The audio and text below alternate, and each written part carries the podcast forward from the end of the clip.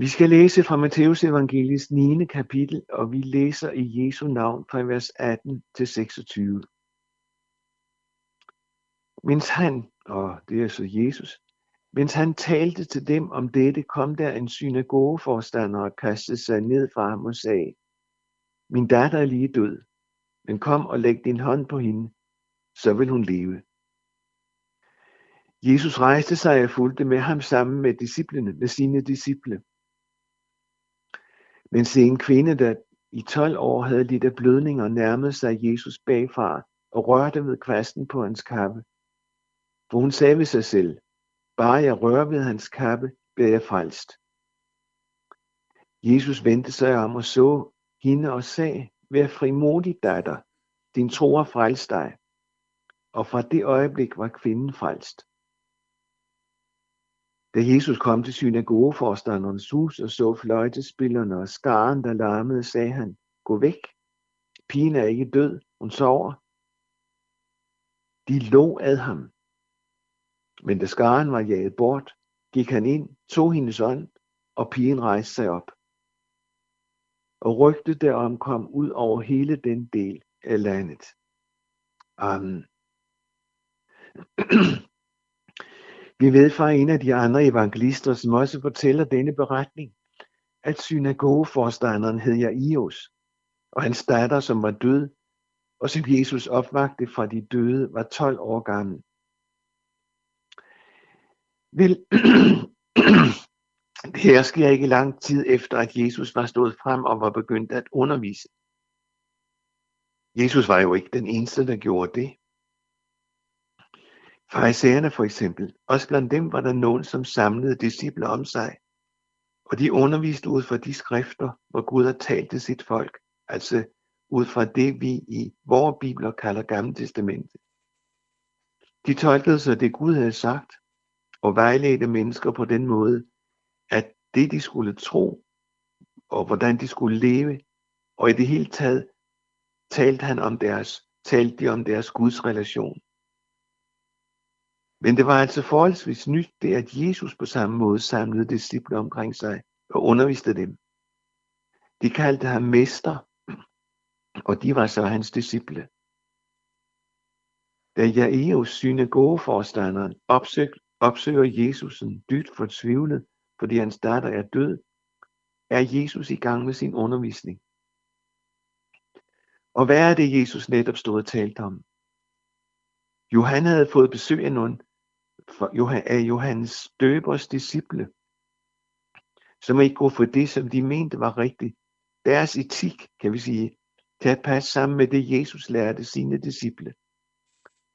Og Jesus giver dem sit svar, og så siger han til dem, både til sine egne og andre, der lyttede med, at det han kom med, det han underviste om, det var ikke en ny lap på det, som andre lærte deres disciple. Det var heller ikke en lap på det, som mange mente var vejen til Gud. For det var noget helt nyt, han lærte. Noget helt nyt, han underviste om. Jesus sagde, ny vin, hvis man skal få gavn og glæde af den, skal man fylde den på, skal man ikke fylde den på gamle sække. Sækkene vil i gæringsprocessen bare revne og gå i tu. Nej, ny vin skal på nye ledersække. Ligesom ingen vil sy en ny lap på et gammelt slidt kappe, fordi den, når man første gang bliver våd, vil krympe og rive den gamle kappe mere i tu. Hvad er det, Jesus siger? Han siger, jeg kommer med noget helt nyt. Ikke noget, som bare er en tilføjelse eller en uddybning af det, farisæerne lærte, men noget helt andet. Og Jesus siger egentlig, jeg kommer med en helt ny vej til Gud. Ikke den, den vej, som andre har lært jer, hvor det galt om at følge Guds lov i alle detaljer, så man, så man af den vej kunne få det godt med Gud. Nej, det helt nye, det var, at Jesus var kommet, fordi han ville frelse mennesker gennem sin stedfortrædende død på korset. Jesus i stedet for os. Det var ikke nye åndelige gymnastikøvelser, som han satte mennesker i gang med når Jesus, Guds søn, han blev menneske, fordi han ville være menneskers frelser. Så mennesker kunne få det godt med Gud for hans skyld, alene ved troen på ham. Vel, Jesus udtrykte sig ikke på den måde, men så, for, men så forklarede sætningen med så forklarende sætninger den dag. Men det var det, han ville. Ny vin, nye lædersække, en ny vej til Gud. Jesus alene. Jeg tror, disciplene synes, det var spændende og dragende. Måske har de, som så mange andre, kæmpet med lovregler for at få det godt med Gud. Og det måtte, de måtte så erkende, at det gik ikke, som de gerne ville. Og der kom Jesus med noget, med noget nyt, en ny vin, spændende. Hele problemstillingen blev så, og det er sådan et helt åbent spørgsmål også den dag, det der totalt grundlæggende. Hvem er Jesus? Er han bare en af de mange lærere eller mestre, som samlede disciple omkring sig og underviste? Eller er han Guds søn? Er han Messias, den salvede, Kristus, som Gud har lovet ville komme? Og så kommer jeg i os. Han kommer med en bøn til Jesus, som afslører, at, Jesus, at jeg Jesus troede, at Jesus var noget helt særligt. Vi ved ikke, om jeg Jesus troede, at Jesus var Kristus, den salvede, den som Gud havde sagt skulle komme, eller om han ligefrem troede, at Jesus var Gud. Men noget tyder på det. For hvem ville finde på at hente en, der kunne hjælpe, hvis man vidste, at ens barn var død? Så der er det jo en heller ingen af os, der vil gøre. Hvis nogen i Danmark i dag oplever den tragedie at miste et barn, altså ens barn døde, så vil man ikke kontakte en læge. For er situationen den, at ens barn er død, så er alt håb jo ude. Ingen vej tilbage. Det ved vi. Men sådan tænkte jeg Eos ikke. Han ville have Jesus med sig hjem til sin døde pige. Han havde sikkert hørt noget om Jesus. Hørt, hvad Jesus kunne. Men til et barn, som er afgået ved døden, det giver kun mening, så frem den troede, at Jesus var Gud. Og at Jesus derfor kunne det, som kun Gud kan, nemlig herske over liv og død. Og de går afsted, og ja, Jesus viser, det viser vej, og Jesus og disciplene, og sikkert mange mennesker, formentlig nysgerrige, også mennesker, som har hørt Jesus underviste og som blev draget af det, han sagde. Der sker så det, at det midt i dem, som flokkes om Jesus, også er en, der levede som en år i, en, i et år ordentligt vanskeligt problem, nemlig en kvinde. Hun havde gennem 12 år lidt af blødninger, det vil sige voldsomme blødninger, som var langt mere end en menstruation. Hun havde konsulteret læger for at få hjælp, men de kunne hjælpe hende. Tænker man så på jødernes renselsesritualer, og det at være kvinde ind i det, hun oplevede, en uren, så var det bare så vanskeligt for hende. Men så var det ham, Jesus. Han kunne hjælpe, også der, hvor andre ikke kunne. Og selvom der ikke var tilladt hende, så gik hun altså ind i flokken af dem, som følger med Jesus. Hun kommer helt hen til Jesus, fordi hun tænker, at kan hun bare røre ved kvasten på hans kappe, så kan hun få hjælp. Sådan tror hun. Og hvem er det, hun tror på? Er det Jesus, en ny lærer, som kunne samle mange mennesker omkring sig, når han underviste? En, som var interessant? Eller var Jesus, var han Kristus, den salvede, Messias, ham som Gud havde lovet gennem profetens løfter, som der var mange af. Hun troede, at Jesus var Kristus Messias. Hun troede i hvert fald så meget, så hun tog chancen. Hun ville gerne være anonym, nok også på grund af hendes problem, sygdommen på blødningerne. Og hendes planer lykkedes. Hendes hånd rørte ved Jesu kappe. Det var ikke sådan, hun prikkede ham på skulderen, eller tog fat om hans hånd eller arm, eller prøvede at få øjenkontakt, eller bede om hans opmærksomhed. Hun rører bare ved katten. Og så sker det. Hun bliver rask, helbredt. Og der sker det, at Jesus standser og vender sig rundt. Og så siger han til hende, din tro har frelst dig. Vær frimodigt. Og det var hun nok slet ikke. Men din tro har frelst dig. Hun blev helbredt og fri for de utidige blødninger. Men det Jesus siger, det tror jeg også har den betydning, at kvinden fik det godt med Gud. Hun troede, at Jesus var Guds søn, ham som kom fra at frelse mennesker, så de kunne få det godt med Gud. Den tro frelste hende, sådan som den tro frelser enhver, som lever i dag, enhver, som tager sin tilflugt til Jesus Kristus.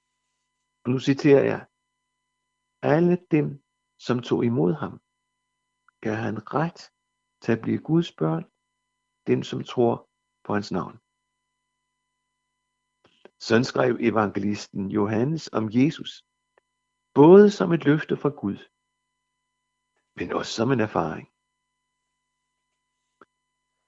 De kommer så frem til Jairus' hus, og der er mange mennesker samlet, for pigen er jo død, og hos en af de andre evangelister nævnes, at der er en, som kommer ud til Jairus og siger, at hans datter er død.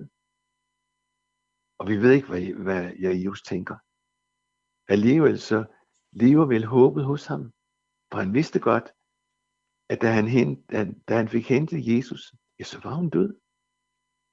Og nu får han beskeden igen, hvilket på en eller anden måde vil kunne punktere en hver frimodighed. Det er for sent. Ligesom vi vel kan forestille os, at nåede man frem til hospitalet, og der kommer ind ned i døren og fortæller os, at ja, vores indlagte datter er død, så var alt håb ude. Men det er ikke for sent for Jesus. Jesus kender de der mange mennesker væk, og også dem, som sang sørgesangen, spillede fløjte til, og de mange andre, som formentlig var mødt op for at trøste. Og Jesus siger noget mærkeligt. For han siger, kan vi læse, pigen er ikke død, hun sover. Hvorfor han siger sådan, det ved vi ikke. Man kan sige, at for Jesus er det ikke et problem at vække en, som sover, eller vække en, som er død. For hans ord kan det der. Han siger, han byder, og så sker det. Sådan er det med Jesu ord. Det er på den måde, det sker, når han skabte himmel og jord. Der sagde han, det skal være lys, og så bliver det lys. Da Jesus siger til dem, som er kommet ind i huset, at barnet sover, så griner de. De låede ham, skriver Markus. Deres stov stak ikke så dybt, og de vidste godt, hvad det vil sige at være død.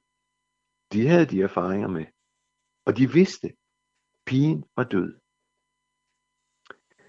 Jesus tager så tre af sine disciple med ind til pigen og pigens forældre. Peter, Jakob, Johannes og forældrene. Og så, og det er stadig kun fra Markus beskrivelse, jeg citerer, så tager Jesus om pigens hånd, og så siger han, Talita kum. Det er en befaling, og det betyder, lille pige, jeg siger dig, rejs dig op. Der er ingen tvivl om, at øjeblikket har været meget intensivt og stærkt. Alene ordene Talita Kum, ord som hørte det det sprog, de talte sammen, har mejslet sig ind i deres hukommelse. Jeg citerer jo fra Markus teksten, som disciplen Peter, øjenvidnet, formentlig har dikteret. Og pigen rejser sig. Pigen, den døde pige, bliver levende.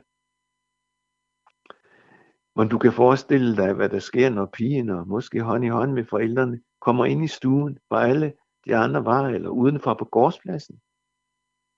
Der har været dyb, dyb forundring.